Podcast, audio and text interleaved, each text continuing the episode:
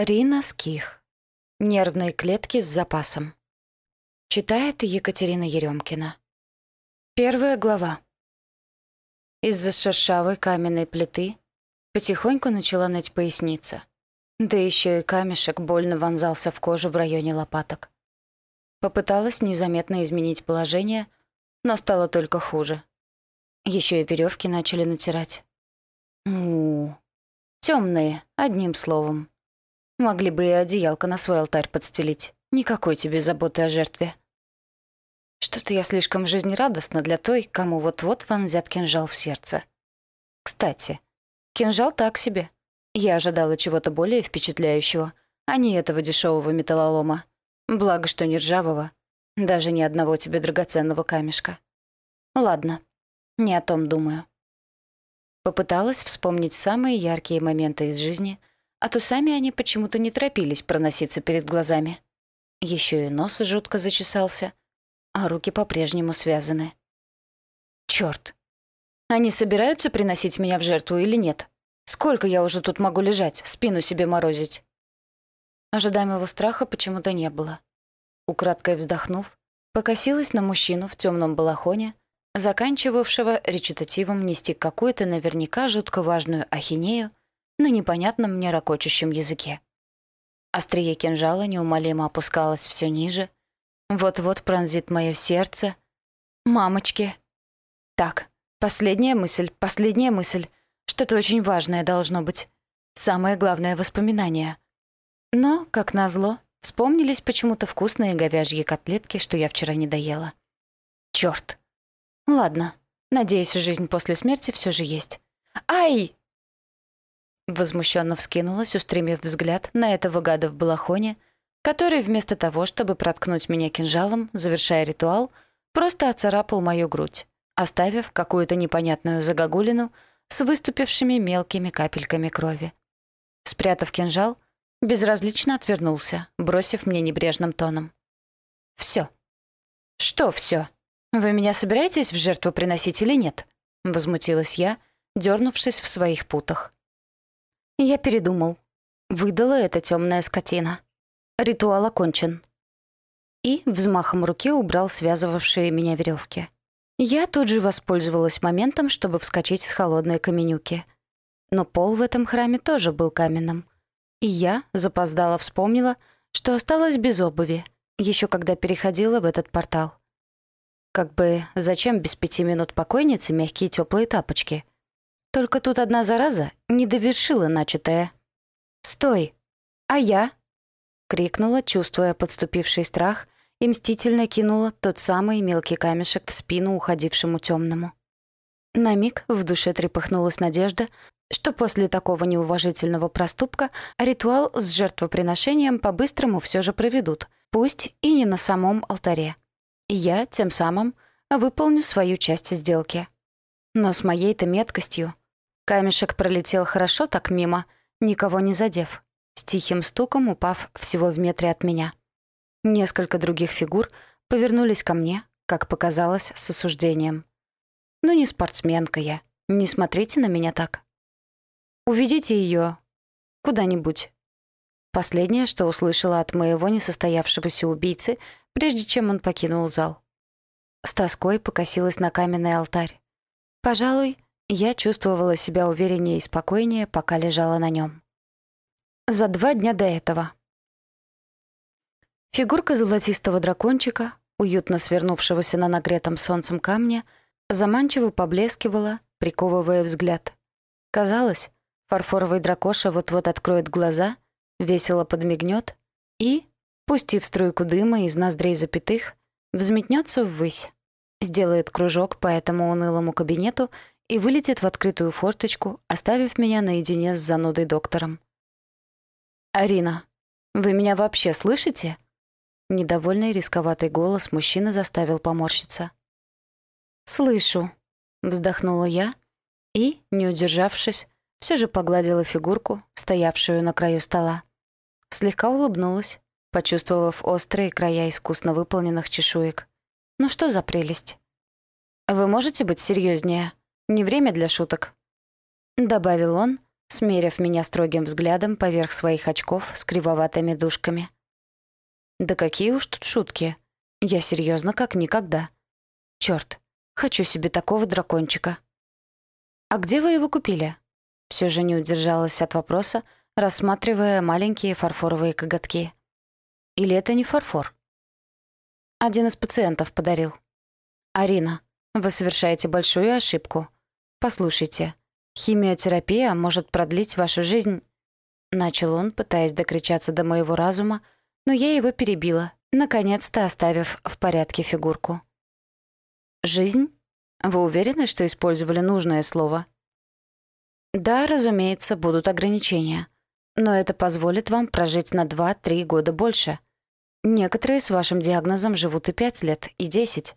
Вы же взрослая, адекватная девушка, Арина. Вот именно. Я хочу прожить оставшееся мне время, а не продлить свое существование. Я прямо встретила взгляд доктора, и он, выдержав несколько секунд, все же отвел его первым. Снял очки, покрутив их в руках, принялся протирать замшевой тряпочкой кристально чистые стеклышки — избегая пока на меня смотреть. «Родным уже сообщили? Не стоит затягивать», — тихо произнес мужчина. Я безразлично пожала плечами, вновь обратив свое внимание на дракончика. Бережно провела пальцем по едва заметной трещинке у основания его хвоста. «Кто же с тобой так, малыш?» «Так вы выпишите мне рецепт?» Приступы участились, признала неохотно, вернувшись к главному вопросу, что привел меня в этот кабинет. Если бы не сводящие с ума главные боли из-за опухоли размером с виноградинку, развивающейся в моей голове, я бы сюда вообще не пришла. Слушать о химиотерапии, шансе, что она дает, и уже начавшихся метастазах явно не мой предел мечтаний. Я далеко не дура. Вижу в глазах врачей, которых посещаю, уже едва ли не обратный отсчет. Времени у меня все меньше — и о химиотерапии говорит лишь Николай Васильевич, да и то скорее по привычке. Ему, как никому другому, известно, что химия мне уже не поможет. А в эффект плацебо я никогда не верила. Да, конечно, сейчас выпишу. И все же... И все же я свой выбор сделала. Безмятежно улыбнувшись, потрогала крошечный носик дракончика. А не знаете, откуда привезли эту фигурку? Из Китая. Николай Васильевич, больше не глядя на меня, достал бланк рецепта и принялся там что-то черкать мажущей чернилами ручкой, заполняя бумагу угловатым неразборчивым почерком. «Не, в Китай не поеду. Могу не успеть», — хмыкнула легкомысленно, поставив обратно желанного дракона. Но то ли слишком надавила, то ли резко поставила на стол, но от фигурки откололся хвост. «Упс, Ручка на миг зависла в воздухе, перестала выводить непонятные каракули, но тут же вернулась на бумагу, скрипнув от сильного нажатия. «Я приклею», — выпалила я поспешно, теребя в руках фарфоровый хвостик, отгоняя неуместную мысль. Не оставить ли мне его себе как сувенир на память? «Забирайте», — бросил врач отрывисто, не поднимая взгляда. «Ой, я это вслух сказала?» «Кого?» Уточнила на всякий случай. «Дракона своего, раз уж так понравился. И держите рецепт». Мне протянули желанный белый прямоугольник и небрежно кивнули на фигурку. Радостно пискнув, я бежала вокруг стола и от переизбытка эмоций обняла Николая Васильевича, звонко чмокнув его в небритую щеку. «Спасибо». «Пошли, дракошка, теперь ты живешь у меня», — воскликнула, подхватывая теперь уже мою фигурку. Арина. Судя по его виду, мужчина вновь собирался завести всю ту же песню, но я не желала тратить на это утекающие песчинки драгоценного времени. «До свидания», — выпалила уже на ходу и выскочила за дверь кабинета. «Арика, что ты так долго?» Злобные врачи никак не желали выдавать справку, что ты здорова. Небось, на психиатре застопорилась. Не поверил, что бывают настолько жизнерадостные и безбашенные люди —— воскликнул мой друг Пашка, как только я показалась на пороге больницы. Радостно ему улыбнувшись, шуганула жирного голубя, не желавшего сходить с моего пути. Тот недовольно курлыкнул и, Оставив на сером бетоне белую кляксу, вальяжно отошел в сторону, даже не попытавшись взлететь. Но мне уже до него не было никакого дела, и я буквально слетела с выщербленных ступенек к парню. Конечно же, на последней запнулась и полетела уже не фигурально. Благо, Пашка успел поймать хохочущую меня. «Твою мать! Арька, ты так убьешься когда-нибудь! Неужели нельзя хоть иногда смотреть под ноги?» Возмутился он, отпустив меня. Все? Прошла уже весь свой медосмотр?» «Ага», — кивнула, не испытывая ни малейших угрызений совести, что приходится врать близким об истинной причине моих посещений больницы. «Где твой железный конь?» Айда навстречу приключениям. И тут же вскочила на узкий бордюр, балансируя на слегка шатавшихся камнях. Проворчав что-то под нос, Пашка белозубо улыбнулся и подал мне руку, помогая держать равновесие. «О, прекрасная принцесса! Не соблаговолите ли сопроводить меня в нелегкий путь на сражение с водными драконами?» Выдал он высокопарно, заставив меня фыркнуть от смеха. «И не надо тут ржать. Мотоцикл, кстати, на той стороне улицы. Здесь не нашел, где припарковать. Да разве ж я могу ржать над своим верным рыцарем? Так? В меру подхихикивать разве что. У меня и свой дракон даже есть. Зацени. Только чур с ним не сражаться. Он и так сегодня пострадал в неравной битве. Спохватилась я и, едва, снова не навернувшись, полезла в рюкзак за фигуркой. Пашка с любопытством покрутил в руках моего честно добытого дракошку и вернул.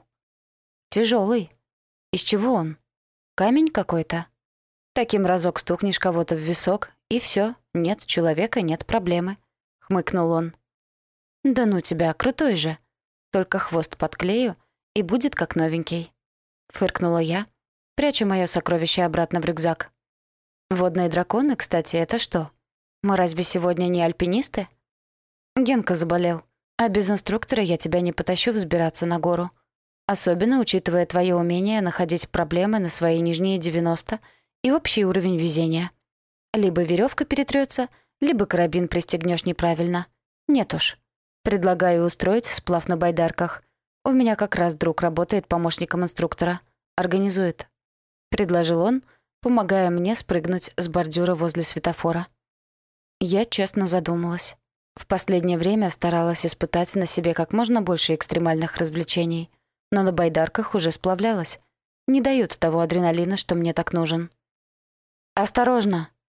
Крик Пашки вместе с рывком в сторону вырвал меня из размышлений. Погрузившись в свои мысли, я едва не вышла на проезжую часть, где сплошной поток машин. Обдав потоком воздуха с выхлопными газами, мимо проехала синяя иномарка, не забыв пронзительно посигналить. «С ума сошла? Арька, блин, Кончай витать в облаках, а то я подумаю, что тебе жить надоело». Отчитал меня друг и, дождавшись зеленого света, как ребенка за руку перетащил на ту сторону улицы к мотоциклу. «Прости, не заметила». «Ты не прав. Наоборот, именно сейчас я начала ценить жизнь и не намерена упускать ни единого мгновения. «Долой байдарки. Хочу спрыгнуть с парашютом», — воскликнула я и легкомысленно захлопала в ладоши быстро чмокнув друга в щеку.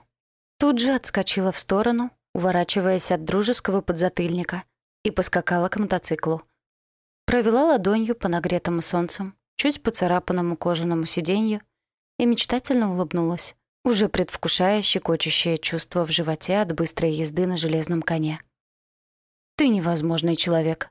Ладно, будет тебе парашют. Сейчас подъедем в одно местечко и все организуем. Беззлобно фыркнул Пашка, оттолкнув меня бедром от мотоцикла, после чего торжественно вручил мне шлем. «Юху! Ты точно мой рыцарь или даже джин, исполняющий желания. Я уже говорила, что обожаю тебя?» Подмигнула ему, не торопясь натягивать шлем. «Не, все никак не дождусь от тебя этого признания», — отозвался этот засранец, защелкивая ремешок своего шлема под подбородком. «Да, «Ну, когда-нибудь скажу. Наверное. Посмотрим по твоему поведению». Фыркнула, перекинув ногу через сиденье. «Вот так всегда. Давай, бесстрашная принцесса, надевай свою корону и поехали». А уже спустя пару минут мы мчались с ним, лавируя между машинами навстречу ветру.